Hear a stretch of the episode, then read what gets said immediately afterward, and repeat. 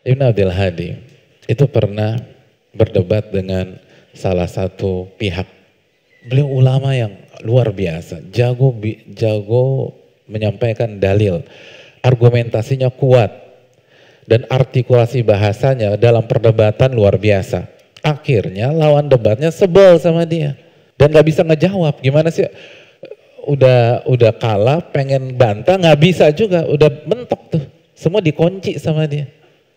Akhirnya apa yang dilakukan lawan debatnya? Diludahin Ibnu Abdul Hadi. Di muka. Ya Allah. Kalau di kelingking masih mending. Tuh kena kelingking. Antum marah nggak? Ada yang ngeludahin antum, kena kelingking antum. Ngamuk antum. Ini di muka. Di muka. Enaknya dia diapain kalau antum jadi Ibnu Abdul Hadi? Jujur.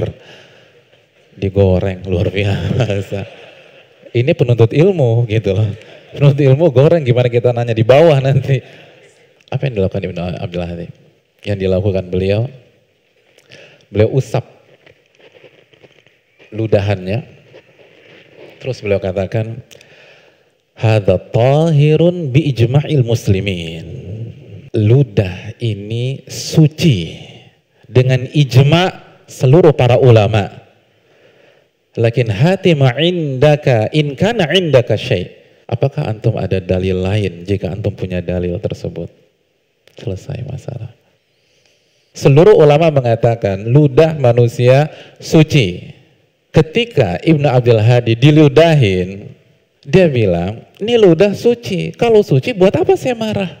Ayo kita balik ke forum, antum punya dalil lain enggak? Selesai masalah. Itu dunia ilmu hadirin, itu dunia.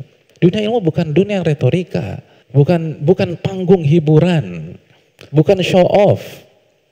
Dunia ilmu tuh merubah. Kalau antum benar-benar jujur sama Allah, antum bisa main di level seperti itu. Hadirin, kalau orang masih bawa gengsi, mau masih bawa harga diri, bisa nggak kayak gitu? Nggak bisa. Dunia ilmu, dunia yang menekan ego kita, nafsu kita. Ini dunia yang genrenya ketundukan, genrenya kerendahan orang-orang sombong tidak punya tempat seharusnya di majelis ilmu. Enggak.